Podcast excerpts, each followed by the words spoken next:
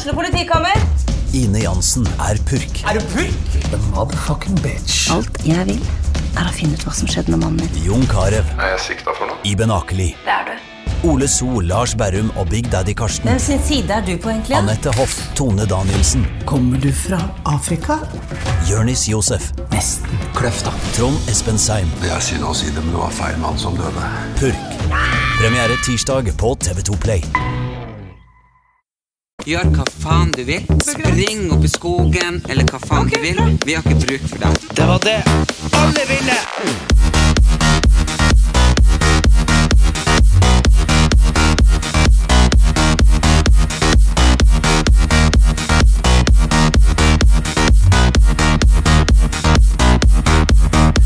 Velkommen til en, en ny episode av Erlend Elias og Erik Anders. Han Erlend har eh, fått lungebetennelse, og nå tuller jeg ikke, for uh, han Erlend jeg sa nå drar vi og spiller en pod. Han Erlend sa uh, nei, men jeg er syk, og jeg bare nå slutta du å syte. Du er altfor mye syk.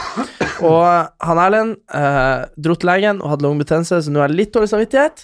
Og har ingen gjest, egentlig, men Jo. jeg har fått med meg han Jim. Hei, Hvem er du, Jim? er ikke jeg gjest? Ja, du er er gjest. gjest, ja. ja. men hvem er du? Jeg er uh, Jim Fosheim, heter jeg. Jeg jobber i uh, Moderne Media, Ok. som er med og produserer podkasten deres. Ja. Så det har, jeg, har jo jeg kjent i et lite år. Ja. Eh, Og vel så det. Vært trivelig. Ja, Eller det- er trivelig. Ja, det er trivelig. Men uh, jeg, jeg tenkte litt Det jeg har lyst til For du har bare sånn Du er jo i dag en sånn perfekt definisjon på en sånn eh, en mannlig Ikke hipster, men en sånn derre du, kommer- du kommer på jobb i joggesko, og du går liksom i liksom Du kan komme i hettegenser, og så er du egentlig liksom the boss of a big firm. Men Ja. du har egentlig en annen bakgrunn. Ja, jeg eh, Hva jeg har jobbet med, eller hva jeg har studert? Eller Ja, hva, ja alt. Hvordan, ja, hvordan endte du opp med Ja, det er jævlig tilfeldig, skjønner du. Ja? Um, jeg studerte markedsføring og økonomi, Ja? og så uh, syns jeg det virket jævlig fett å jobbe med aksjer. Ja? Så begynte jeg å jobbe med aksjer, og det gjorde jeg i sju år. Og så ble jeg drittlei. Og så tenkte jeg Da satt jeg faktisk bare med en uh, liten lapp og bare skrev ned alt det jeg syntes var interessant. Ja. Og øverst på listen var det fotball. Ja? Og så tenkte jeg ok, hvordan i all verden skal jeg kunne livnære meg av fotball? Så sendte jeg en superklein demovideo at jeg kommenterte Neymar i Confederations Cup til, til TV 2. Ja? Og så kom jeg på sånne her auditions hvor jeg gjorde masse kleine greier som jeg håper ingen klarer å rote frem i dag. Hvor jeg skulle kommentere da det målet til Aguero, Ja. som gjorde at de tok gullet foran Manchester United. Der, Aguero, Aguero. Ja, ja. Og så gjør jeg det, og så fikk jeg muligheten til å styre litt i Fotball Extra i TV 2. ja. Og så hørte jeg podkasten til The Guardian, som heter Football Weekly. ja. Som var det beste jeg hadde hørt. Altså en 20 minutters oppsummering av hele Premier League. ja. Og så kunne jeg ikke skjønne at ingen gjorde dette her i Norge. ja. Og på det tidspunktet så var det ikke så veldig mye podkaster. Og da starta vi en podkast med et Fotballuka, som Ja. aldri havna på iTunes. Nei. Eh, så vi holdt på med det i to år. Bare hadde lættis, satt på puber og drakk Ja. og lot mobilen ligge der og ta opp. Helt til vi da eh, begynte å spille inn i eh, Da skulle vi ha god lyd, da. Solgte ja. Møblene i leiligheten min. Rigga studio. Da var vår store helt var jo Joe Rogan eh, fra Joe Rogan Experience. Og så kjøpte vi basically de samme røde gardinene som han hadde i studio. Rigga hele, hele stuen min til et podkaststudio. Og så var det åpenbart et helt vilt mangel på steder å produsere podkaster i Oslo. Ja. Og da var det masse folk som kontakta meg, og så lånte jeg ut reservenøkkelen til folk. ja. Og folk begynte å spille inn i, i leiligheten min, da. Og det var starten på moderne media. Ja, Ja. Og det var da Da hadde vi allerede produsert podkaster i Eller den ene podkasten i nesten tre år, før vi da ga ut første episoden i Ja. leiligheten min. Å, ja. Og så var vi der nesten et år, og så leide vi et lokale i Brugata som kostet nothing. Ja. Og så pussa vi opp det til et studio og lagde litt eh, kontorplasser. Ja. Og så tenkte jeg dette tar litt mer tid enn hva jeg har tid til med en heltidsjobb ved siden av. Sa opp jobben min. og gjorde alt heltid. Og det var en periode hvor alle sa at det var umulig å tjene, å tjene penger på podkast. Ja. Det gikk sport i å skrive kjipe artikler. Om eh. Ja, Ja. men det var, det var for fett til å ikke drive med det. Ja. Og så øh, ble det flere og flere podkaster som kontakta oss for å lage podkaster. Og til slutt begynte vi å lage egne konsepter. Ja. Og så flytta vi nå til her vi er i dag. Her er det fire studioer, og vi starter sånn streamingstudio også. Eh, og det er setup i dag. Da er vi fem og en halv, seks karer her. Og håper å være ti stykker i løpet av ja, før 2020. Så det her er basically the American dream i Norge. Ja, kanskje. Jeg vet ikke hva The American Dream er, men hvis det er å jobbe 12-16 timer i døgnet, aldri se kjæresten sin, eh, miste kontakten med vennene sine Alle de tingene. Hvis, hvis man aksepterer det, så Ja. kanskje er det det. Ja. Men jeg, jeg kunne aldri gjort noe annet enn dette når jeg vet hvor gøy jeg har det med, med det jeg driver med. Ja, ja, men eh, det er jo litt sånn Du jobba egentlig med aksjer og dress og tall, og så endte du opp med å drikke kaffe og snakke om fotball. Og det, er jo, det er jo Snakker om å få gjøre det, det som er fett. Ja. Men eh, nei, jeg føler liksom det at eh, Det er jo derfor jeg vil gjøre eh, alt jeg gjør i dag, fordi det jeg syns er fett Altså, jeg syns jo egentlig bare jeg syns jo egentlig bare jeg er kul. Altså, jeg jeg, jeg syns egentlig bare kult å være meg. og hvis jeg kan tjene penger på det, så er liksom det er jo drømmen min. Og det er litt sånn, det er litt sånn Men jeg tenker det er litt viktig å, å kjenne seg sjøl, sant. Jeg hadde aldri Når jeg satt i kassa på Joker, så Jeg satt i kassa på Rimi. Ja, på Rimi. Ja, den er nedlagt nå. Ja, det er dom. ja, det er noen 50 år siden. Ja, det er en stund siden. Ja, nei, men uh, når jeg satt i kassa på Joker, så, så følte jeg liksom det at uh, det, det, det var litt med det her at Grunnen til at jeg syntes det var gøy å sitte i kassa på Joker, var fordi at jeg fikk prata så jævlig mye. Ikke sant? Folk, jeg var ikke en av de som sier sånn Pose, kvittering, ha det. Jeg var en sånn Hallo, har du kjøpt melon i dag?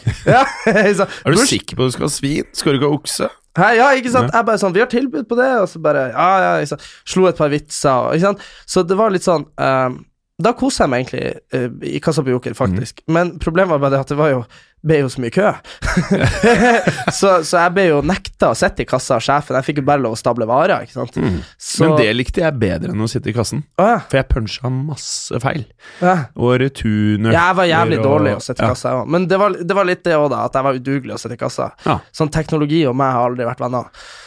Ja, Det har jeg faktisk lagt merke til, samtidig som du har masse kunnskap om teknologi. Ja, jeg er litt mer sånn at jeg skjønner Jeg skjønner ting, mm. men jeg vil aldri Altså, jeg kan fortelle deg hvordan du skal uh, Eller ja, jeg vet ikke helt hvordan jeg skal forklare det. Kunnskap om hvordan ting fungerer, men jeg vil liksom jeg, Hvis en telefon låser seg, så er det større sjanse for at jeg knekker den enn at jeg finner ut hva som Men du er veldig flink til å sette deg sånn har jeg i hvert fall lært deg å kjenne. Du er veldig flink til å få mye kunnskap om de tingene som interesserer deg.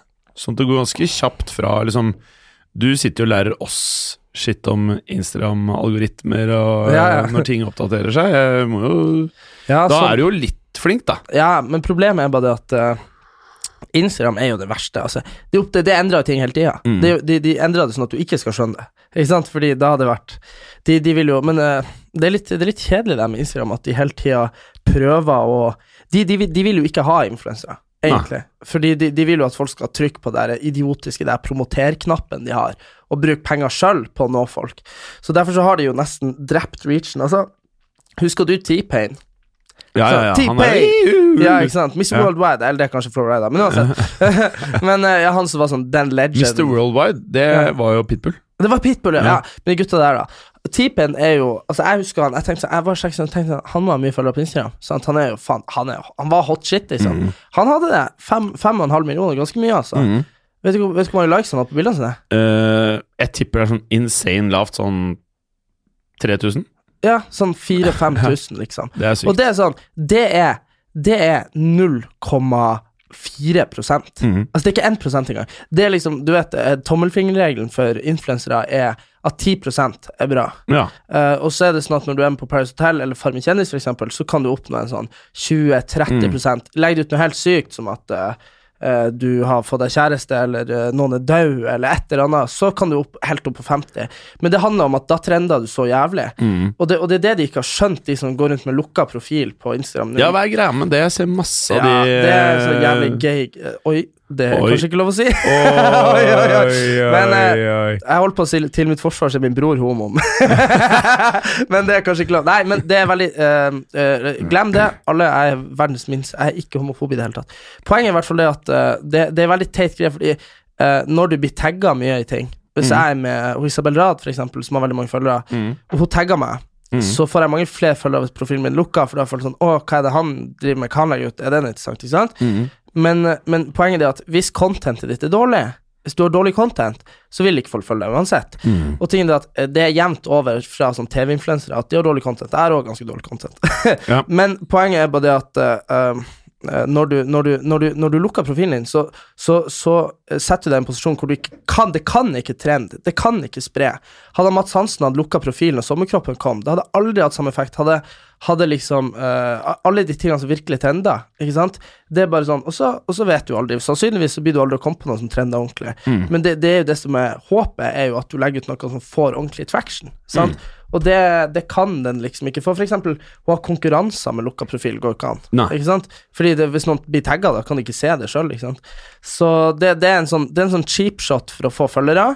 Eh, men, men hvis du fortsatt har lav engagement, så vil det jo ikke ha noe effekt. men jeg tenker sånn øhm, at det har litt å si liksom uh, Når jeg sjekka sånne amerikanske kjendiser, Ja. så de voksne kara Jeg vet ikke, Ja. jeg husker jeg ikke om jeg sjekka Leonardo og Brad Pitt Ja. og de med tanke på den nye filmen, men hvis du sjekker yngre folk, så er det et lang, mye hissigere Instagram-kontoer. Både Mm. følgere, engasjement liksom, mm. For eksempel kontoen til 69, da, Ja. før han gikk i fengsel. Altså Den steg seriøst med sånn en mill. i uka Ja, i en periode. Ja. Det var helt insane når han turnerte i Europa. Og så Mm. var liksom en av greiene at han lagde stories med fotballdrakter fra landet han var i. Ja. Så hvis han var i Paris, så gikk han rundt med PSG-drakt og skjøt cornere med Madrid-drakt. Den stilen her. Og så Kontoen endte jo på 15-16 mil før han eh, gikk i fengsel. da Ja. men, men det, det, og, og videoene hadde sånn 15 opptil 40 mil visninger og sånn. ja, ja, sant. Så det er jo Det er sikkert et unntak. Ja, nei, men jeg føler det at eh, Eldre Altså, poenget er at uh, Instagram prioriterer alltid uh, nye følgere. Mm. Fordi det tilsier at det du har, er hot, ikke sant. Mange, du vet Instagram gjorde jo om algoritmen sin før, så var jo ting eh, lå ting i feeden din ut ifra når det var lagt ut, ikke Mm. sant. Så da ville det være sånn at hvis du bladde gjennom hele feeden din, så ville du se eh, alt som var lagt ut. Men som et ledd i det her, at de skulle få pusha sin egen reklame, så, så gjorde de jo om det til at du får opp bilder oftere fra folk du liker bildene til oftere, f.eks. Mm.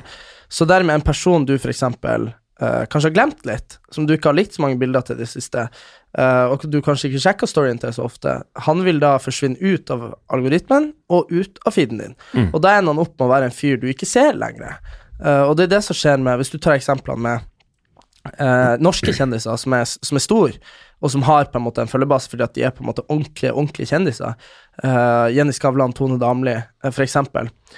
Så, vil, så vil de ha lavere engagement, og faktisk ofte færre likes enn en Paris Hotel-deltaker med en tiendedel så mange følgere, fordi at følgerne deres har kommet over mange år.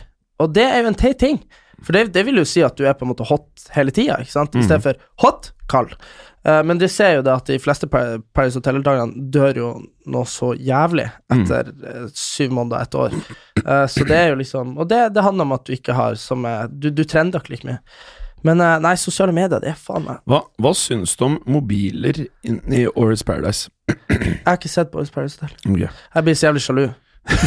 Du har egentlig lyst til å være der? Ja, ja, ja, men liksom sånn for- hadde du blitt med hvis jeg hadde ringt deg nå? Bare vi må ha med neste Vet du jeg har har snakka med et par venner om det her, og det er litt sånn Det er uh, Altså Fordi greia er at jeg er ikke Paris Hotel, Mm. men jo lenger unna jeg kommer, jo mer identifiserer jeg meg med driten, liksom. Mm. Jeg, var, jeg er en fyr som aldri har sett på det, Ja. basically. Jeg er en fyr som alltid har han Mats Hansen klarte jo å dra fram uh, for et år siden uh, et innlegg jeg skrev på Facebook da jeg var 14 år, hvor jeg skrev at uh, hvis jeg noensinne meldte meg på Paris Hotel, vær så snill og liksom kall meg en idiot, liksom.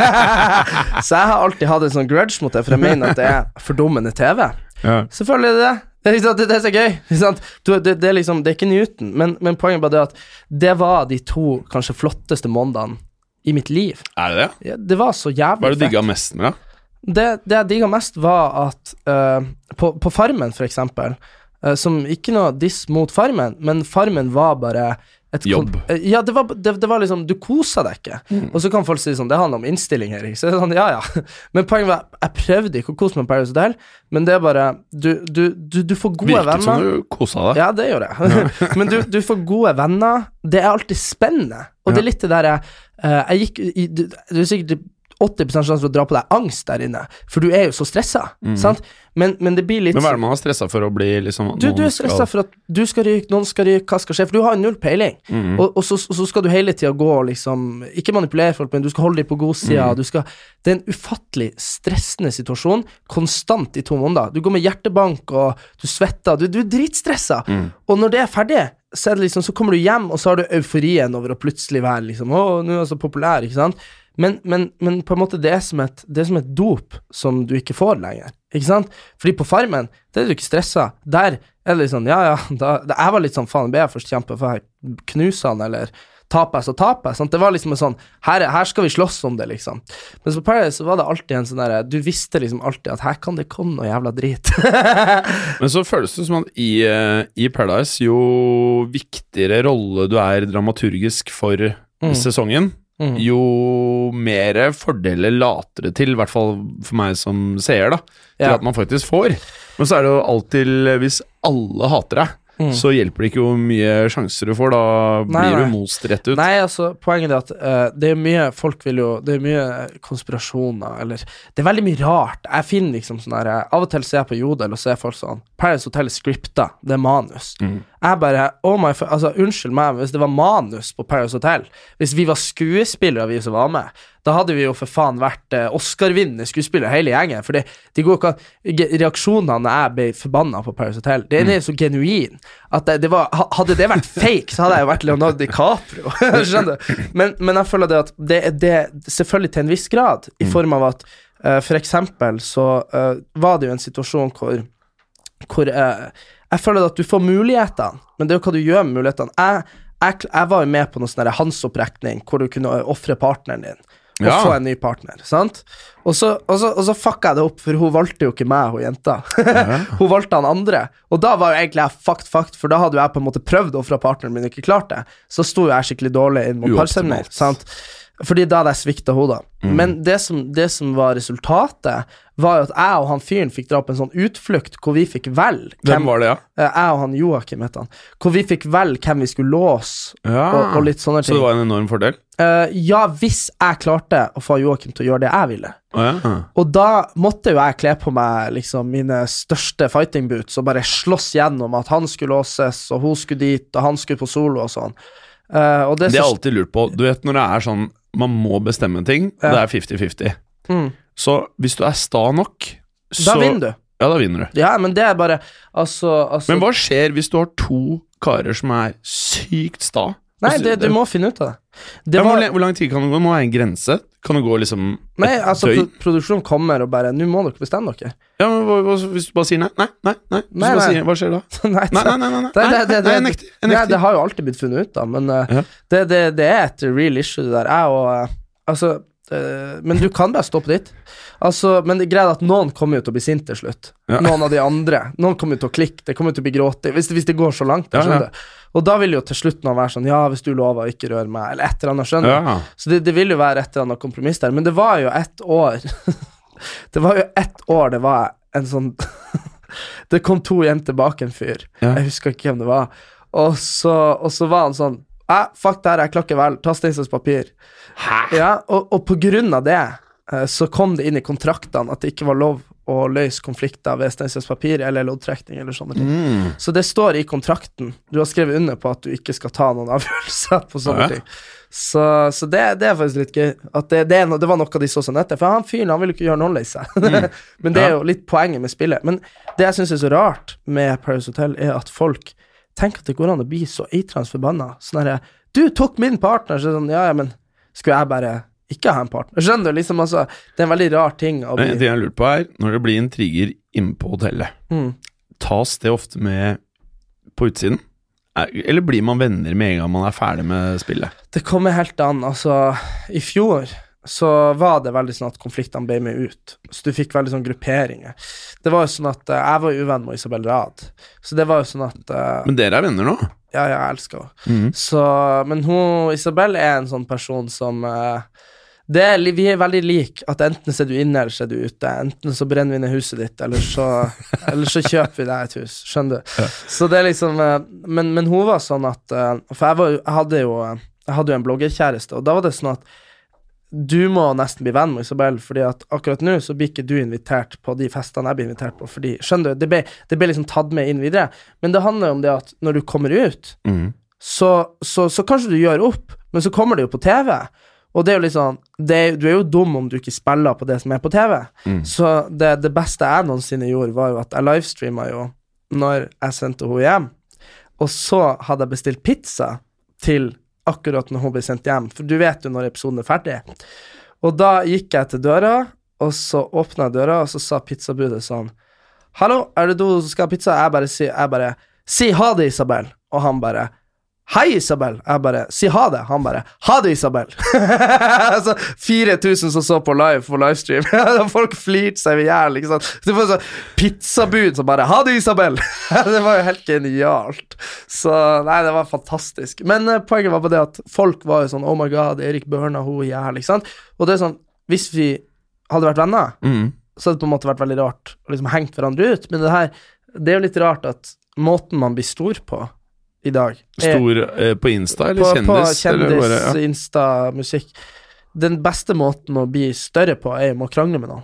Mm. Fordi da får du en sånn herre Men er det hentet fra den amerikanske rap-verden, tror du? Jeg- jeg Bi- aner-? Jeg aner ikke om uh, Det beste eksempelet på Vi har jo et par eksempler. Kristin Gjelsvik, Sofie Elise. Mm. Det var Kristin Gjelsvik eh, gaina 40 000 følgere på at hun bare bæsja Sofie Elise på liksom kroppspress og ditt og datt. Uh, Mads Hansen, Isabel Rad, der har, det, er jo det, det er jo faktisk det beste eksempelet i hele verden, hvor begge ble helt sjukt mye større Mm. av at For det, media kan ikke la det gå. Fordi liksom den ene kaller den andre mobber, og den andre kaller den andre liksom uh, pedo Altså, det, det var liksom helt sjukt, liksom. Også, også fordi at du får en sånn eh, Folk har alltid lyst å ta ei side. Når, når, når jeg leser om sånn East Coast, West Coast-greier i rappverden fra 90-tallet, så sitter jeg der og bare Ja, go Snoop Dogg! så skjønner Nekter å høre på de andre, ikke sant? For det blir jo sånn. Så du var pro Tupac, du, da, med andre ord?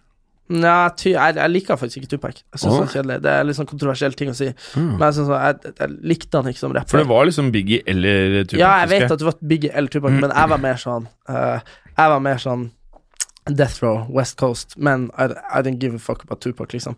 Men uh, når uh, Snoop Dogg gikk jo opp på uh, Altså på det her De hadde jo sånn første gang sånn Emmy, bare Rap Awards. XXL Magazine? Er det Nei, ikke det det ja, heter? ja, det var sånn De hadde det i New York, da. Ja. Og så var alle rapperne samla for å ha noe sånn eh, jævla awards-greier, ikke sant. Ja. Alle satt jo med liksom maskingevær i bak, bak Men det er jævlig fett når de forteller det om i The Defiant Ones. Ja, det- det der jeg ser eh, det. På Netflix, ja. Mm. Ja, og der liksom når eh, Når du, du, du merker det at Du merker at du begynner å bli hissig, og du har et, eh, du har et rom fullt av 2000 gjengmedlemmer. Og det ender med at uh, Shug Knight disser Diddy, som Ja. da det er hans hjemby, holdt jeg på å si. ja, altså dissa Diddy. Dårlig liksom. stemning. Ja, han uh, Shug Knight, gærne fyren, dissa Diddy, og Diddy er jo han som liksom har made uh, JC og alle gutta, ikke sant? Og, og da kommer liksom eh, Da kommer liksom For det var etter The Chronic av Dr. Dre vant eh, liksom den der Han prisen. herja og tok Ja. alt av priser. Tok alt, og så går bare Snoop Dogg opp på scenen, og Snoop Dogg var Han var fa... Altså, tynneste gangster ever. Og han går opp på Han går opp på scenen og bare You ain't got no love for uh, Snoop Dogg, for Snoop Dogg Dr. Dr. Dre.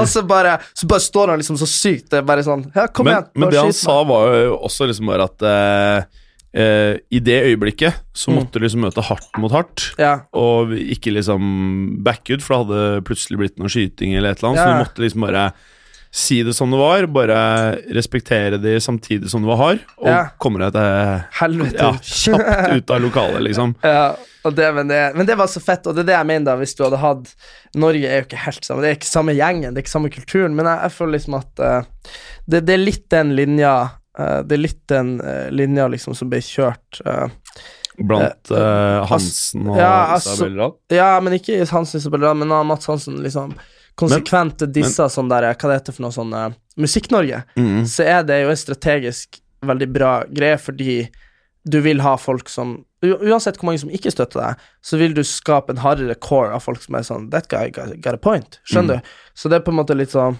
Men jeg føler at de som får med seg disse nyhetene, da Ja. eh, he Helt ærlig, jeg fikk ikke med meg den der beefen før liksom da helt mot slutten. Ja. Og det er kun fordi det var folk her som prata om det, liksom at Ja. eh, Ja, faen, øh, øh, de er sinte på hverandre og det greiene der, og det er greit, det, men jeg, jeg, jeg, poenget mitt er bare at eh, jeg tror ikke det er så Jeg tror ikke alle får det med seg. Jeg tror det er i visse miljøer folk som liksom ferdes i type eh, Instagram-verden, som er mye på Insta, og som følger de samme folkene i Norge. Det er ikke så mange mennesker. Så når, eh, når det faktisk oppstår sånne ting, så jeg, jeg får ikke alltid med meg det som skjer. Jeg, ofte så får jeg nyheter gjennom deg, faktisk. At du forteller meg 'Hæ, har du ikke fått med deg? Har du ikke fått med deg at hun har uh, stjålet eh, mannen hennes? Ja, sånn det, jeg, jeg henger ikke helt men, med men på igjen, det. da, det er jo en verden jeg heller ikke var noe inni i før. Sant? Så, så det er jo forståelig, men jeg bare mener at når du klarer Og så prøver jeg å ikke være for mye på mobilen. ja, ja. Jeg- jeg- jeg- Har du noen sånne greier? Nei. For jeg får sånn herre Nå begynner iPhone å gi meg sånn beskjed hver eneste uke om hvor mye tid jeg bruker på telefonen. ja, ja, det. Og et interessant eksperiment er at eh, jeg har starta en ny podkast som heter Historiepodden. ja. Og i den forbindelse så har vi starta en ny Instagram-konto da, eh, til den podkasten. Eh, og da har vi prøvd å liksom lage en eh, ikke en, Instagram-konto som handler om oss, men Ja. om temaene i episodene. Ja. Så nå prata vi om eh, Chicago-mafiaen i siste episode. Ja. Så tar vi bilder fra den hendelsen. Ja. Og det jeg ser at med en gang vi brukte bilder av oss selv, så fikk vi mindre likes enn når vi brukte temabaserte eh, bilder. da Så min, min hypotese er at det å lage Instagram-kontoer om enten podkaster eller selskaper alltid er mindre interessant for folk enn når det er om personer. ja. Uh, mens hvis man eh, klarer å imøtekomme de forventningene folk har til når man kommer inn på Insta-kontoene, ja. så virker det som at det skaper høyt engasjement. Så jeg føler at det er forskjellige regler ut ifra Ja, ja. hva slags konto du Men- ønsker men- å skape. da Men for eksempel, eh, for eksempel uh, Fotballsider mm. på. Instagram Mm. for eksempel, er veldig stor. Mm. Men de legger ut for eksempel sånn statistikk og sånne ting. Ikke sant? Hvis han fyren som styrer den sida, begynte å røtte bilder av seg sjøl, så hadde hadde det blitt, det blitt full krasj. Ikke sant? Så, men det er det som er så vanskelig med å være uh, Holdt på å si vanskelig med å være meg, Mm. er det at uh, det er veldig vanskelig å identifisere hva folk egentlig vil ha. Fordi etter hvert så er det begrensa hvor interessant det er å se at jeg går på gata. Mm. Ikke sant? Og da må du på en måte begynne å produsere noe mer. Mm. Ikke sant? Du må, du må gi folk noe. Og det ser du, for eksempel. Jeg er veldig glad i å game. Mm. Hva er det eh, du gamer nå? Hæ? Nei, jeg gamer stort sett bare Fifa og COD. Okay. Men poenget mitt er bare det at uh, når jeg, hvis jeg viser det til mine følgere, så vil jo veldig mange av de være komplett uinteressert i det. Mm. Og hvis jeg viser de at jeg eh, kjøper nye klær, så vil det være en del som er komplett uinteressert i det. Mm. Fordi at min følgebase er ikke liksom bygd opp på grunn av at de har noe sånn interesse i noe utover meg. Mm. Ikke sant? Så det er veldig sånn spesiell greie, egentlig. Det skjønner jeg. Men eh, ja Men uansett, nei, eh, hva du syns om han eh, Nå skjønner jeg jo at han Ellen og de har dekket det sjamangreiene i forrige episode, men hva, hva du syns om han nye Til, til Märtha? Ja. Igjen, da. Jeg er et veldig dårlig Jeg, jeg representerer landet dårlig på disse tingene her. For Ja. jeg, har fortsatt, det kan jeg ærlig talt si, jeg har fortsatt ikke klikka på én artikkel. Nei, for det gidder ikke jeg heller. Jeg syns det er kjedelig. Ja, og jeg, jeg bryr meg ikke så veldig, men jeg har forstått, øh, etter å ha sett liksom øh, nyhetene på TV, bare sånn helt kort, at folk er veldig sinte for å bruke tittelen sin Ja. til å promotere seg selv, eller hvis det er det som er greia, da. Og der kan jeg liksom uh, jeg, Skjønner. jeg, jeg skjønner debatten, i hvert fall. Ja, men men- jeg, jeg er ikke veldig opptatt av det greiene her. Men så, men så ikke hva Jonis Josef sa Nei. på 17. mai? nei. Han sa det at uh, han elska han Jeg husker, jeg husker hva han het engang, men han der uh, magikeren som var sammen med han, Eh, Er det ikke Durek? Nei. Durek, ja. Ja. Han sa det at uh, God 17. mai til deg, Durek, sa han det, fordi at eh, folk sier at du er en svindler som ikke kan healing og magi. Men uh, du har klart å få en svart mann inn i kongefamilien. du kan magi! ja, det, det er sånn uh, det, det er funny, liksom. Det, det er funny, fordi han, han sa faktisk 'you know black magic'. Jonis er en av Norges morsomste øh, folk, han. Ja, det er veldig funny. Altså. Men det, det, er et, det er et valid point at, eh, At liksom at vi har faktisk kommet så langt at uh, det er faktisk ikke debatten engang. Mm. Tenk, tenk det. Det mm. var, uh, det var jo fram Det er fram dritbra. Ja, det er dritbra. Det var trukket fram en uh, Erna Solberg hadde i 2002 skrevet lederartikkel i, i KK, Mm. hvor hun skrev, hvor hun skrev Og det, det her er ikke tull engang. Det er veldig veldig sånn sykt at det, liksom, at det passer opp. Mm. Men uh, hun har skrevet en uh, hvor det sto Kunne vi hatt en neger i den norske kongefamilien? Og det var, men det var fordi at i 2002 så var det så det var språkforskere inne og kommenterte og sånn. Det var tydeligvis eh, Det var tydeligvis en grei måte å omtale liksom eh, etnisk mørke på. Og det er Hvor liksom lenge siden var dette her? 2002. Det er ikke så lenge siden, altså. Nei. Men, men, men det, det, for at eh, da Det er ikke greit i dag, ikke sant? Nei, nei, det er ikke, ikke det helt, greit i dag. Nei, mm. sant? Men da var, det, da var det en debatt hun tok, Mm. da. Altså, hun, hun prøvde ikke Hun var ikke rasistisk i, i, i spalten sin. Det var ikke Mm. det poenget var å belyse det. Er vi tolerant nok til å tolerere? Mm. Og så ser vi jo det at liksom 16, 17, nei, hva det blir, 17 år etterpå, så, så ser vi at vi, vi er faktisk det.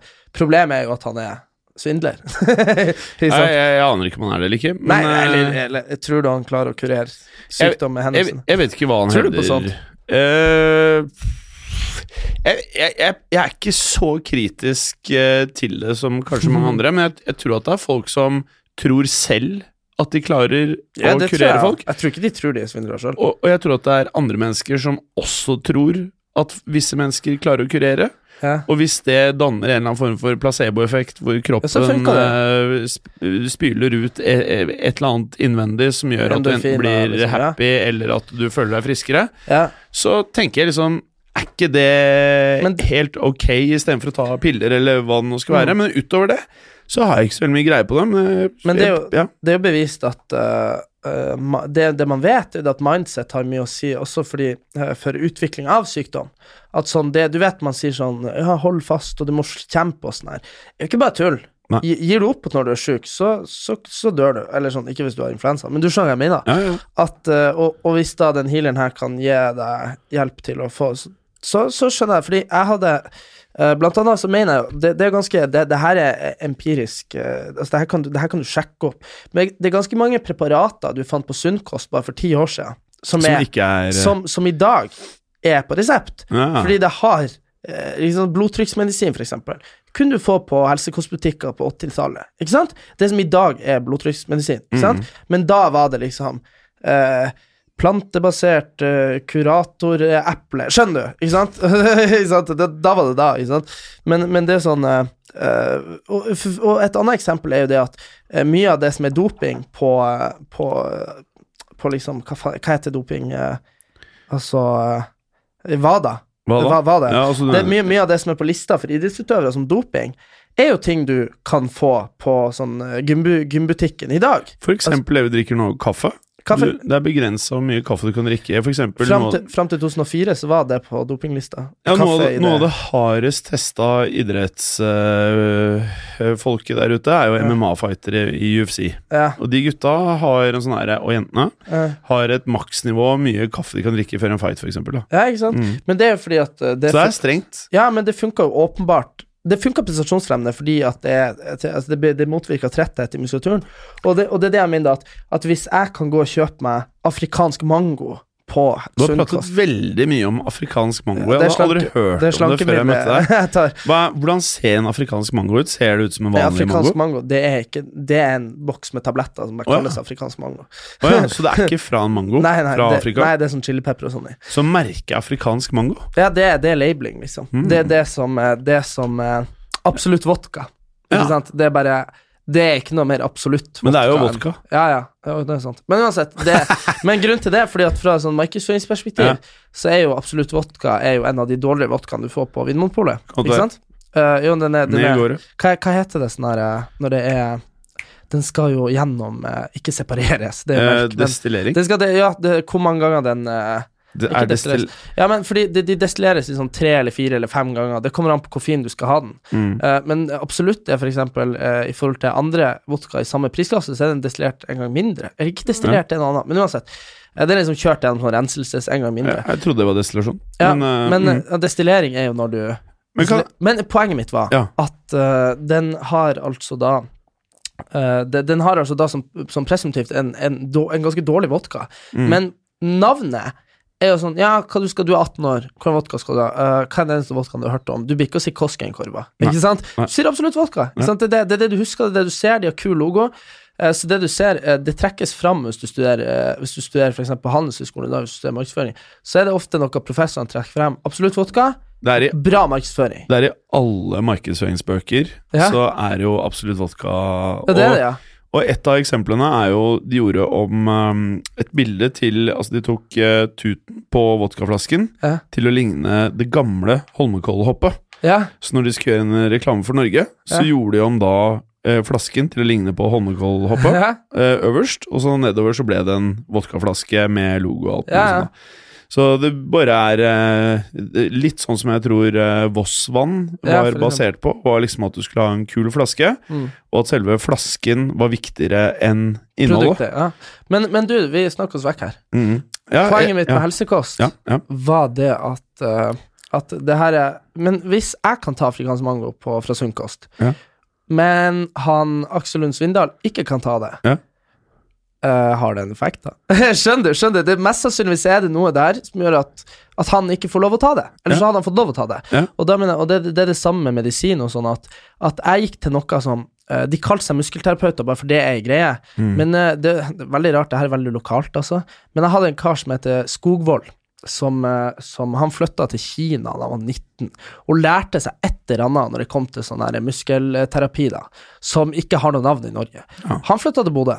Og han Harald Berg og Jan Derek Sørensen og alle de her Glimt-spillerne som var i Rosenborg, og som endte opp i utlandet, når de skada seg, så tok de faen meg flyet hjem til Bodø for å bli frisk. Fordi han var liksom fysioterapeuten liksom, i, i, i den østerrikske klubben, eller i den italienske, eller i Premier League. De var ikke de, de, de, de kunne gå flere måneder uten å bli friske, og så gikk de til han, så ble de friske. Og han lærte da opp tre karer, som nå er sånn 50 år, og det er de jeg har gått til. Og de har sånn hver sin klinikk i Bodø. Og han ene der, han har altså fire måneder lang venteliste. Fordi han Har du migrene? Har du knekt foten? Har du vært i bilulykke? Altså, han gjør deg så frisk, altså. Og han, han Du vet, kiropraktor knekker på, på bein og sånn, ikke sant? Så fysioterapeutene de kan massere deg eller gi deg en opptrening. Men han knekker inni muskelen. Det er skikkelig rart. Han får det til å knekke inni låret ditt og sånn. Og, og vet du hva, jeg, jeg gikk en gang seks måneder på sånn rehab for ankelen min. Det var helt ødelagt. Jeg hadde blitt takla noe så jævlig på fotballbanen. Vært i MR og alt mulig, og sa jeg skulle stå på balansepute og trene han opp. Og sånn. Ble aldri bra. Jeg var så, jeg hoven som fikk ikke på meg skoene. Og så var jeg sånn en gang, og, og ankelen ble Og jeg, har, jeg tror jo ikke på alternative ting. Og ankelen min den ble helt fin, jeg har aldri vært skada siden i ankelen. Og det er det jeg mener, at det er ikke det at han Det kan godt hende at det han gjør, er vitenskapelig veldig kurant, ikke sant, men at det er ikke forska på ennå. Fordi hvis vi det tar jo litt tid å forske på alle alternative ting som finnes. Sånn. Så det er min innstilling til det. Ja.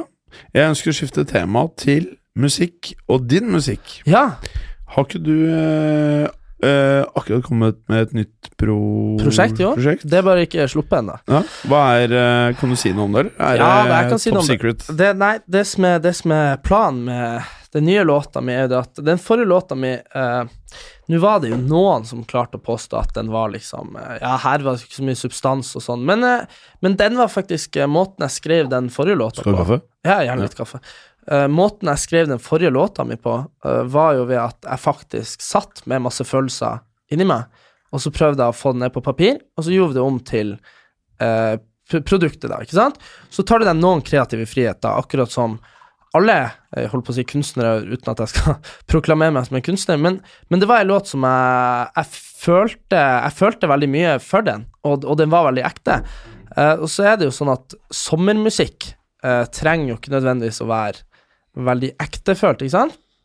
Men den nye låta skal bare rett og slett handle om sommer og fri og ferie, og eh, at det er deilig å ligge i sola og sånn. Og det eh, Kan du si noe om når den kommer, eller er det fortsatt litt secret? Vi sendte den til Universal i dag, og så skal de legge opp et sånn release-løp og så bla, bla, bla. Så det, det, mm. Men eh, jeg satsa på å få den ut eh, ganske tidlig i juni. 8., 12., et eller annet sånt. Men, eh, men poenget bare det at eh, låta Noen vil nok si at den, at den ikke har substans i form av at det handler ikke om noen ting. Men uh, jeg tror at uh, for folk flest, så, for veldig mange mennesker, så handler musikk om det å bare Altså om følelser, sant? Og hvis følelsen er at du har lyst til å ha fri og ferie og chill på stranda, så er det en helt grei ting å formidle. Men det, det, blir, den eneste, det blir den eneste låta i 2019 som kommer til å være sånn. Den neste låta skal Den som kommer etterpå, kommer igjen da til å handle om litt mer personlige ting. Og det, det tror jeg òg er veldig viktig når man snakker om sånn karakterbygging og sånn. Ikke sant? At uh, grunnen til at, uh, grunnen til at eksempel Eminem, som var min store helt da jeg var liten, grunnen til at han ble stor, var fordi at han, han utleverte jo seg sjøl.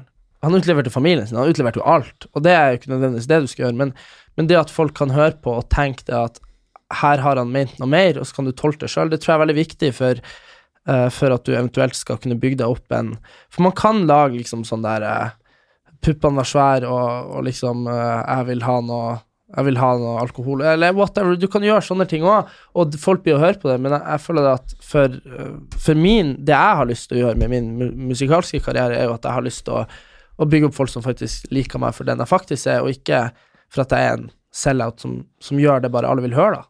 Uh, og det er jo litt dumt, for jeg er veldig kommersiell på andre måter. Han Erlend, for eksempel, vil jo veldig gjerne at jeg bare gir ut sånne der, eh, veldig lette ting, og som, som streamer mye, men jeg, det er ikke nødvendigvis det jeg vil heller.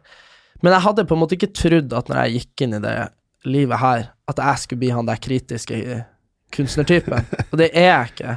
Jeg vil gi folk det de vil ha, men uh, jeg håper bare de vil ha det jeg vil ha. Men den første låta føler jeg fikk eh, veldig bra med attention. Ja, den blir jo nå en million eh, i løpet av midten av juni, tror jeg kalkuleringa er, og da er det litt sånn Jeg er jo kjempemisfornøyd med det. Ok, er Jeg vil- jeg vil det, ha- For meg så høres det mye ut, men Ja, jeg vil jo, men jeg vil jo ha ti millioner, ikke sant? Ja. Uh, så, så det er jo litt det som er at jeg faller for mitt Og det er det som er, jeg er så uh, og, det, og igjen det her med å være bevisst på egen karakter. Mm. Jeg er enormt selvsentrert i form av at jeg blir kjempesint når noen gjør det bedre enn meg. Jeg blir fly hakke forbanna. Men er ikke det bra hvis man ønsker å Det er jo fint å være konkurranseperson hvis man klarer å bruke det på riktig Ja, måte. Da. Problemet er at jeg kan bli selvdestruktiv. Ja. Jeg blir veldig Jeg blir, veldig, jeg, blir nesten lei meg når, eh, når noen har flere lyttere enn meg på podkasten, når noen har flere streams enn meg, hvis noen har flere følgere enn meg. Jeg blir, jeg blir direkte Jeg, legger For, for nå er det det her jeg gjør. Sant? ja. Og det, det er ikke noe du tenker ikke heller liksom bare Faen, hvordan skal jeg gjøre det samme? Eller hvordan Jo, skal jo, jeg klare å selvfølgelig, få selvfølgelig. Det ti gjør man mil jo. streams? Jo, jo, men uh, nå vet, jo- du òg at eh, det, det er en del ting som har eh, gått i dass, som veldig gjerne ikke skulle gått i dass det siste halvåret. Men sånn er det med mye ting i livet, da. Man, man møter mye greier, og så er det jo akkurat sånn som det, det vi holder på med her. Det er jo Trust me, det er mye jobb. Det er mye greier, Ja, og så virker det utenfra Det virker som at alt bare er lett. Ja. Mens for, å, for å, at du skal komme i en posisjon hvor ting virker som det er lett, så tror jeg man må jobbe helt sykt mye og akseptere det at verden alltid kommer til å kaste mye faenskap uh, your way, Ja, liksom. Men, men jeg føler at det, du er jo dritung, på en måte. Du har Jeg føler jo toget på tur å gå fra stasjonen. Nei! jo, men jeg gjør det. Altså, jeg føler at eh, altså, det, det, det er en legitim følelse jeg har, men Ja, det det er greit også. man kan, Ingen kan fortelle deg hva du skal føle, men, Men- jeg, jeg, jeg tror ikke det er gjengs oppfatning, da. Nei da, det skjønner jeg, men jeg bare Altså, det, den minste prioriteten i verden for meg er penger. Sånn, Mm. penger det, Jeg driter i penger, men når jeg, når jeg trente fem timer hver dag for å bli fotballspiller jeg var, altså, jeg var han idioten som aldri innså at det ikke ble. Mm. Jeg, var, jeg var han som var 21 og fortsatt løp liksom intervaller fordi at jeg skulle liksom få spille tredjedivisjon. Skjønner du? Jeg var han som var sånn Det, er fort, det går fortsatt. Jeg vet jeg er god nok. Men det er mange spillere som lever godt av å spille fotball, som ikke nødvendigvis Selvfølgelig. Men, men er, det er mange som ikke klarer å leve av fotball, som er bedre enn de som klarer å leve av fotball. Ja, ja, så no, noen greier så er det litt det med å være iherdig og aldri gi seg. Ja, jeg føler at det er jævlig viktig, Altså. Ja, det, det er viktig, og det, og det er det som er med det her eh, At, at jeg for fotballkarrieren min ble litt sånn Den falt litt på at Den falt litt på at jeg liksom Jeg, jeg ga opp når, når jeg ble alvorlig skada, og da, da ga jeg opp, og da måtte jeg finne Og jeg hadde et vakuum i et helt år hvor jeg ikke hvor jeg kunne godt ha vært ferdig med master i en alder av 23, ok, liksom, i statsvitenskap. Jeg kunne, og jeg har karakterene til å studere det jeg vil, ikke sant? Og jeg jeg kan gjøre alle de tingene. Jeg kunne, jeg kunne tatt eh, verv, og jeg kunne dratt på ambassader og jobba sånn som kompisene mine gjør. Men jeg opplevde, jeg opplevde det som en sånn Etter hvert så kom det en litt sånn motløshet hvor Erik Sæter Det var ikke det her du var ment å gjøre. Og det er ikke nødvendigvis sånn at jeg er destined to, til å være på TV eller være på radio eller et eller annet sånt, Men jeg oppfattet at når jeg først dro til Mexico, så var jeg sånn Ok, det her skal jeg få faen så mye ut av, og jeg skal gjøre noe noen aldri har gjort før, og så, og så kommer jeg ut, og så og så havna det på en måte Og så, kommer det personlige ting og tragedier og liksom ting som fucka seg og dritt, og så Men fortsatt så er det litt sånn Det er det her jeg skal gjøre, og det er ikke noe vits å legge skjul på at jeg vil bli jeg vil bli størst, ikke sant? Og det er derfor jeg blir, jeg blir så perpleks, ikke sant? Jeg, jeg har lyst til å Ja, ja, nå nå har jeg lyst til å gifte meg med hos Selena Gomez, skjønner du? men, men, men det er liksom det, det, det, er en, det er en tøff bransje, fordi til slutt så, så handler det bare om hva du sjøl klarer å produsere, og hva du, hvor, i hvordan grad du klarer å gjøre deg selv interessant. Og, det, og det, det er et veldig merkelig liv å leve. Fordi, fordi man skulle ønske at man bare var et sånn ikon, som bare uansett hva man gjorde, så var det hit, hit, hit. For det er noen som har det sånn, ikke sant? Eh, Men tror du det er noen som har det sånn? Eller ja, det er kanskje noen veldig få, kanskje? ja, men, men, men på en måte forutsetningene må på en måte være litt Altså og det, det her har vi vært innom mange ganger, at det, det er mye jobb. Altså, altså Sånn som meg, da, som Jeg nekter jo Jeg, jeg tar jo ikke bettingreklame. Jeg, jeg tar jo ikke teite ting som det her får du mer muskler-reklame, det her blir du brunere-reklame, eller det her er tannbleking. Skjønner du? Jeg prøvde å starte eget tannblikkselskap da, men glem det, det gikk til helvete. men poenget mitt er at uh, jeg, jeg gjør ikke de tingene fordi at jeg føler at det er breach of character, fordi det er ting jeg hadde syntes var teit hvis jeg selv Hvis jeg hadde sittet hjemme i, i Trondheim og, og studert fortsatt, da. Så derfor så gjør jeg jo ikke de tingene, men samtidig så er det sånn Det hadde vært veldig Det hadde vært hadde så sant, jeg, jeg kunne hatt eh, Jeg kunne hatt 100 000 i måneden inntekter på hvis jeg har gjort de tingene der, men så gjør jeg ikke de.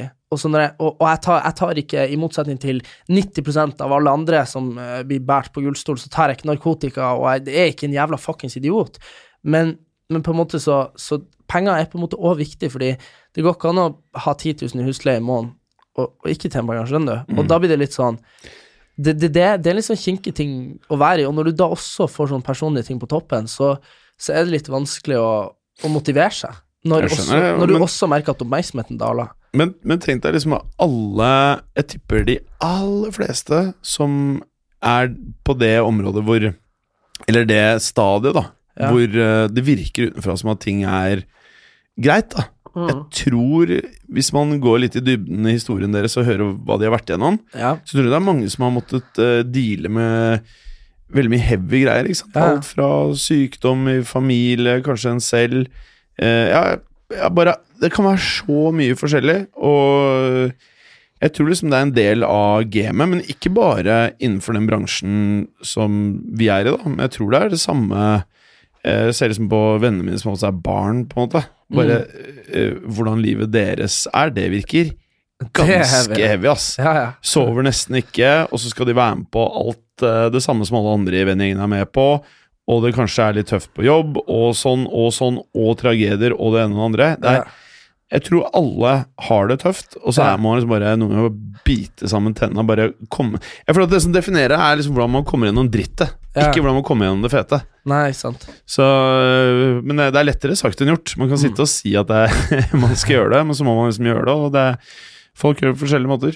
Ja, det er sant, det. Men, men uh, apropos uh, musikk og sånn, da. Har du noen artister sånn uh, internasjonalt som du syns liksom er ok forbilder sånn musikalsk? Mm, nei, altså Det kommer litt an på, fordi det som er, det som er min, min store utfordring, sånn, sånn legitimt min store utfordring, er det at jeg har Mine, mine forbilder musikalsk er jo rappere, men hvis du ser på meg Men rappere er jo nesten popartister i dag, da. Jo, jo, men, men jeg hater jo dagens rappere. Altså, Hvis du hører det Post Malone-greiene, ja, ja. er det rapp? Er det pop? Nei, nei, Hva- det er jo Det er pop. R&B-greier. Ja, men, men poenget mitt er bare det at mine, mine altså, sant, Hvis, hvis JC er forbildet mitt, sant, så jeg kan ikke komme her og bare Du, jeg faktisk Jeg hadde, jeg hadde en jævlig funny diskusjon med en kompis om det her. Ja. At, uh, at hvis du tar, hvis du tar en, en tekst på engelsk som Mm. er jævlig fett, som liksom digges av verden, Mm. og så oversetter du den til norsk, og bare innser for en jævla taper du hadde vært hvis du hadde syngt det. Sånn at bare 'Jeg har penger, jeg har hore'. Damene Men- på bordet, de får kuken i fitta. Ikke sant? Det er bare sånn Og så tar de det på engelsk. I got bitches, I got money, they're over the table, they're taking dicks in their pussy. Skjønner du? Det er bare sånn What?! Ikke sant? Hvordan kan det høres så forskjellig ut? ikke sant? Ja, men jeg har jo også litt med sikkert storyen til folk også, da. Men, Nei, eh, nei. Jeg ikke En norsk rapper kan En norsk rapper Hvis jeg hadde hørt en norsk rapper bare sitte der og bare sånn For jeg tar kokain fra hora mi Men hvis du hadde, hørt av en svensk rapper så-. Ja, ikke sant? Men, men det er jo også med at det, det, Jeg vet ikke hvor hardt og ikke hardt det er i deler av Sverige Norge kontra hverandre, men eh, det virker i hvert fall utenfra som at deler av Sverige er litt Hardere. Sånn, ja, at du, du, Som tror, på, du ja. tror på storiesene, da. Ja. Så hvis du liksom er fra Røa i Oslo, eller Holmenkollen i Oslo, eh, på Oslo vest, Frogner Oslo vest, da, Ja, eh, og du kommer med de storiesene, så blir det liksom en sånn mismatch mellom profil, bakgrunn og det du sier. Så Mm. da sitter det liksom og bare hva, Hvilken pakke er det du selger meg her? Er, det, er det det? Kødder du, eller? Ja, og da er vi jo litt inne på hvordan pakke jeg selger. Og, Ja. og min, min pakke er jo i Altså, det er jo ikke til å stikke under en stol at det er mange unge mennesker som liker meg. Mm. Uh, og da er det litt sånn Hva liker de meg for? Jo, de syns jeg er morsom. De, en god del syns at jeg er kjekk, ikke sant? Og da er liksom Jeg har uh, isblondt hår og, og liksom blå øyne, og det er ok, men da det er liksom det på en måte litt image du må prøve å selge, da. Og det er litt sånn Jeg har jo en følsom side òg, ikke sant? Eh, Og det, det er jo kanskje den jeg må Men Men kan ikke alt kombineres, da? Nei, men greia er at jeg er jo Jeg er jo i stor grad en ganske sint fyr. Ikke sånn Ikke sant, ikke sant at jeg går rundt og er sint. Er du det? Men, ja, men jeg er irritert. Jeg Sant? syns alltid du er blid, jeg. Ja, men problemet er at du Du, man, altså, vi har uh, Vi produserer over 100 podkaster her. Ja, Jeg mista tellinga. ja, Av folk som kommer innom, ja. så vil jeg si at uh, alle legger merke til hvor uh, sykt blid du er, Okay. hvor ofte godt humør du er i, eh, og positiv der. er. Ja, Og da eh, Man kan sikkert ha sånn persepsjon selv av hvordan man er, da. ja. Men det er i hvert fall sånn eh, som jeg føler de aller fleste eh, oppfatter deg som eh, er i vår krets, da. I vår produksjonskrets. Og så er det sikkert Jeg er jo en god del eldre enn deg, Ja. så vi er jo ikke på fylla sammen, selv om Nei, vi er gode venner. Jeg er ikke forbanna på fylla. Nei men, nei, men du skjønner hva jeg mener. Ja. Det, eh, i, I sosiale settinger hvor man er sammen med jevnaldrende, så kommer det jo en, Så er man jo en annen person ofte. Ja, nei, jeg er den samme, altså. Jeg er veldig karaktersterk sånn, men jeg bare føler det at eh, det, det, det, som så, det som er så snodig med meg, er at når jeg er irritert, når jeg, når jeg ranter på ting, ler jo folk. Du syns det er kjempegøy når jeg er forbanna. Ja, jeg syns det er veldig gøy. Men Så- det tror jeg har en del med dialekten din å gjøre. ja. Og at uh, jeg vet du er snill. ja. Som hvis, hvis jeg hadde oppfattet deg som Sånn- sånn eh, en idiot, da Ja, ja. At du uh, At vi liksom Hver gang du var innom studioet vårt, at eh, vi syntes du var jævlig å jobbe med, ja. så hadde det ikke vært noe gøy når du ble sint. Nei, nei, nei. Når, vi, når du alltid er fet, Ja. og du blir sint, så er det liksom sånn Ok, er han sint? Eller er han ikke sint? Ja. Og så blir det bare Ja, det er gøy. Ja, ja men det er fordi, morsomt. fordi jeg er jo egentlig en eh, Jeg er jo, jeg er jo jeg er veldig Mitt verdenssyn er jo veldig apokalyptisk. Ja. Jeg har jo mista trua på menneskeheten. for Å, ja, lenge sier du siden. det? Ja, ja, jeg, vi, vi er på tur til helvete, Å, liksom. ja, ok. Ja, ja. Og det er Hva liksom er det du tror er en, eh, det som kommer til å ta knekken på alt først, da? Er det bomber? Er det Nei, det, Nei, det, det handler litt om menneske, menneske, det, menneskets natur. Ikke sant? Vi har ikke noe sånn derre og, så- og så er det litt det at de, de, de actions vi må ta for å, for å ikke destroy ourselves, er liksom der at vi må liksom si til folk i India Slutt å få unger. Skjønner du? Vi må, si, vi må si til folk slutt å kjøre bil. Ikke sant? Og du ser vi prøver å sette opp bomringer her i Oslo. Folk blir jo Det er jo en, så nærme borgerkrig som vi er akkurat nå, har vi jo aldri vært. Ja, faen, ass. Altså, folk, det er folk mye bomringer nå. sinna. Ja, ja, sant, folk blir sinna. ikke sant? Så det er Ja. sånn Guys, we're just trying to keep our planet safe. Du vet, du vet innafor Ring 3 mm. i Oslo mm. de siste 20 årene, så har det vært tre ganger så høy dødelighet av luftveissykdommer. Fordi vi har hatt for dårlig luft. Og det er litt sånn Er du villig til å være sånn Ja, bestemor og tante dør av liksom astmaanfall eller lungekreft fordi jeg skal kjøre bil i sentrum, skjønner du? Ikke sant? Og så vil folk være sånn Ja, men han har frihet, han får kjøre hvor jeg vil, og bla, bla. Ikke sant? Poenget mitt er på det at vi mennesker prioriterer vår egen sånn betimelighet Mm. over liksom folk. Og, Mm. og, og det, det, det, det slår seg ut på så mange områder her i verden at, at jeg liksom Jeg tror at for eksempel da Når folk snakker om antibiotikaresistens, som er litt funny, fordi at jeg visste akkurat at jeg har vært og fått antibiotika av en privatperson i dag. og Ja, du, og jeg var veldig skeptisk til det. ja, du, du er veldig skeptisk til det. Men poenget er at grunnen til at leger for eksempel, er skeptiske til antibiotikaresistens, er fordi at det eventually så vil bakterien være resistent, og så kan vi ikke behandle dem, og så blir folk å dø av sånne her teite ting som sår, fordi at det sprer seg, og du får Mhm. infeksjon og blir betennelse. ikke sant? Og det er en veldig kjip posisjon å komme i, men jeg, altså, jeg er så bombe sikker på at den dagen the doomsday arrives, så er det så, så er det ikke antibiotikaresistens. Det, det, det, det er liksom eh, det, det Vi kommer aldri dit. Fordi vi kommer tidlig Før det så kommer havet ta steget tre meter. Halve India er ubeboelig. Men vi hvis har- vi snur på dette her, da. Ja. La oss si at vi nå Nå har det skjedd. Nå er ting postapokalyptisk. Ja, da har jeg et lager med sånn der eh, sodd i Nord-Norge. har du ikke hørt det? Jeg har fortalt om det, sant? Jo. Ja. Uh, for jeg, eh, det, de filmene jeg elsker mer enn noe annet, det er sånn Mad Max. Og jeg er til og med på det uh, postapokalyptiske kjøret at jeg digger Westworld. Ja. En film som uh, gjorde det veldig dårlig sånn box office-messig.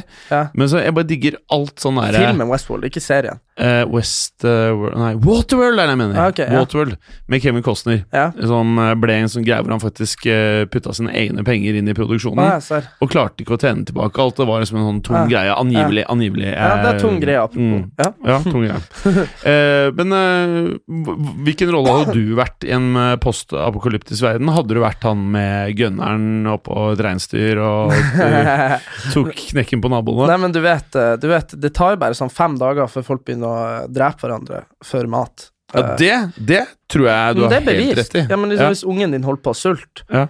og du liksom. Ikke for å prate veldig mye om historie på den, Nei. men du burde, har du hørt om The Donner Party? det, Nei? Jeg har, grunnen til at uh, Vi har akkurat spilt inn en episode om det. Ja. Uh, og det er jo den gjengen som kjører hest og kjerre. Ja. Uh, 1800-tallet. Ja. Fra Missouri mm. til California. ja. Og så var det sånn at eh, hestene måtte jo ha nok beite, altså nok gress underveis, til det Ja. ikke konka. Ja. Samtidig, så hvis de dro for sent, Ja. så ville ja, det snøen der komme. med snøen, ja. Du har fortalt Ja, om det ja. tidligere. Ja. Og så var jo hele greia at eh, de da endte med å ikke ha hester og oksene, for de daua Å, det var det her, ja. Ja, Fortell. så de daua jo da eh, For tidlig. på veien. Ja. Så det som skjedde, selvfølgelig Hva det, snøen kom. Ja, snøen kom, og alle måtte bare lage hytter av det de hadde, Ja. i Sierra Nevada-fjellene. Ja. Og så ble man jo sulten. Mm. Så begynte man å spise skolissene som var laget av lær og litt Ja. diverse. Man dro av flak av lærlapper på klærne. Mm. Og til slutt så hadde de spist opp det som var av smågnagere, og det eneste de klarte å fange på hele denne perioden hvor de var eh, fanget i fjellene, Ja. var Jeg tror de klarte å skyte én bjørn, og det var det. Mm. Og så Ja. måtte de ha mat. Ja. Og mm, for å si det sånn, så var det veldig få som ikke var kannibaler, når de da omsider kom seg ned fra fjellet. ja, for du fortalte om en fyr som var sendt for endt hjelp. Ja. Ja. Eh, det kan jeg fortelle deg, som er helt sjukt. Ja. Eh, og så kan du si at det kan godt være det er smørt på mediene fra 1800-tallet Ja, og til nå, men man er ganske sånn enig om at uh, han ene som er med for å hente hjelp For Mm. det var, det var tre puljer med redningsaksjoner da, for å få med seg alle fra fjellene. Ja. Så tredje i gjengen uh, og hadde en viss form for solidaritet. Så sier han ene greit, uh, jeg stikker på redningsturen. To av barna hans er en hytte med en voksen mann. Ja. De kommer tilbake for å hente han, Ja. og der står det en kjele og putrer. Ja. Og i kjelen så er det kjøtt og bein, Ja. og det eneste kjøtt og beinet som da var på denne hytta, var barna hans. Så han, eh, kompisen hadde kokt barna hans for å få mat. Helt riktig. Og eh, sånn at eh, Fy faen. eh, Konflikten her er ikke hvorvidt han spiste barna til han som redda han, Nei. det gjorde han. ja. Men konflikten oppsto i om han drepte barna for å spise de, eller om de døde, og at han så spiste de. ja, ikke sant. Så det sier jo litt om når uh, alt går til helvete, Mm. så spi spiser ja, man så- det man kan. Ja, ja, men det er det som er Men altså, det er jo sånn som uh, Game of Thrones-referanse er jo da Har du sett? Du ja, ja, ja. Ja, du sett. Men da må du si spoiler alert, da. Spoiler alert. Spoiler alert! Spoiler alert. Spoiler alert. Det her er i sesong fire, så hvis du ikke har sett det sånn. Men det, det har ikke noe å si hvis du ikke har sett det, så du blir ikke å huske det her. Men eh, der er det en Sesong fire. Ja, sesong fire-fem. Det er jo, en, oh, ja, ok. det er jo en, en fyr som bruker hunder som våpen. Til Ja. å liksom jakte på fiendene sine. Og han, blir jo, han har jo da så god kustus på hundene, for han har jo oppdratt dem fra de var bare små hunder og alt mulig. Men han blir jo da satt i bur, og så blir hundene sulta, og så, for han blir fanga og sånn. Og da sender de jo hans egne hunder inn, mens han er bindt. Og uansett hvor mye de hundene elsker han, og hvor mye de har liksom blitt oppdratt av han, og at de hører på han, de lydene hans minste kommando, Sultne nok. er de sultne nok, så spiser de eieren sin. Uh, og det er, det er liksom sånn herre eh, det- Sånn Naturen til slutt, for en hund, elsker eieren sin. Skjønner du? Altså, Mm. det, det er Og det er ikke sånn at Game of Thrones er fasiten på livet, men poenget med det er at uh, jeg, jeg hadde sikkert spist han Erlend. jeg vet ikke hva jeg hadde stekt først, men uh, ja, men liksom sånn i ytterste kont ja, okay, Det hadde man kanskje ikke gjort. Man hadde kanskje ikke spist broren sin eller kona si. Skjønner du? Da hadde man bare dødd i lag. Jeg er ikke sikker, jeg. Nei, men Jeg altså er faen ikke Jeg, jeg, jeg tror seriøst Jeg tror ikke jeg hadde Jeg tror ikke jeg kunne drept Kona di, og så en- spist henne. Nei, Men men, hvis hvis, hun hun døde før meg Nå har ikke jeg kone, men hvis hun hadde dødd før meg, Ja. så Jeg vet ikke, men jeg hadde tenkt at jeg hadde gitt et forsøk. Ja, men det hadde jo vært litt for dumt hvis du hadde sittet der og vært sulten, og det hadde ligget liksom 40 kilo kjøtt attmed deg. Men jeg, jeg, jeg, jeg, tror ikke Jeg tror det er mer at desperasjonen leder deg til Jeg tror ikke Jeg vet ikke, altså, men uh, jeg tenker at uh, du blir så desp Ja. at, det, at det er reaksjonene dine er bare Hva kan jeg dytte i kroppen? Ja. For det er instinktet vårt som mennesker, Ja. ikke hvorvidt man Når man er forbi alt, da. Du har Ja. brent det siste lille fett, fettlaget på skinka. ja. Så tror jeg du er forbi all form for uh, god resonnering. Ja. Det er bare? Ja, ja, sant. Oh, ti over seks. Jeg må starte av gårde. Ja, det er greit. det. Var en uh, interessant Det ble mer interessant utover i episoden. Mm. Men det, det er artig når samtaler flyter. Nå håper vi selvfølgelig at uh, jeg og Erlend klarer å spille inn en pod sammen neste uke. Det Ja, for det er veldig mye forkjøla. Ja, han ene har lungebetennelse, og så har han lungebetennelse og sånn. Men anyway, en liten eh, påminnelse til alle sammen. Vi har fortsatt billetter ledig til uh, Rockefeller den 31. mai. Så hvis dere har lyst å supporte oss og eh, bidra til at jeg kan leve det livet jeg har, så gå inn på Ticketmaster og kjøp billetter. Altså, det er da ikke fredagen nå, men neste fredag. Åh, Det da- blir fett. Ja, det blir bra. Så eh, hei og hå. Vi ses, eller høres. Ha det bra. Ha det godt.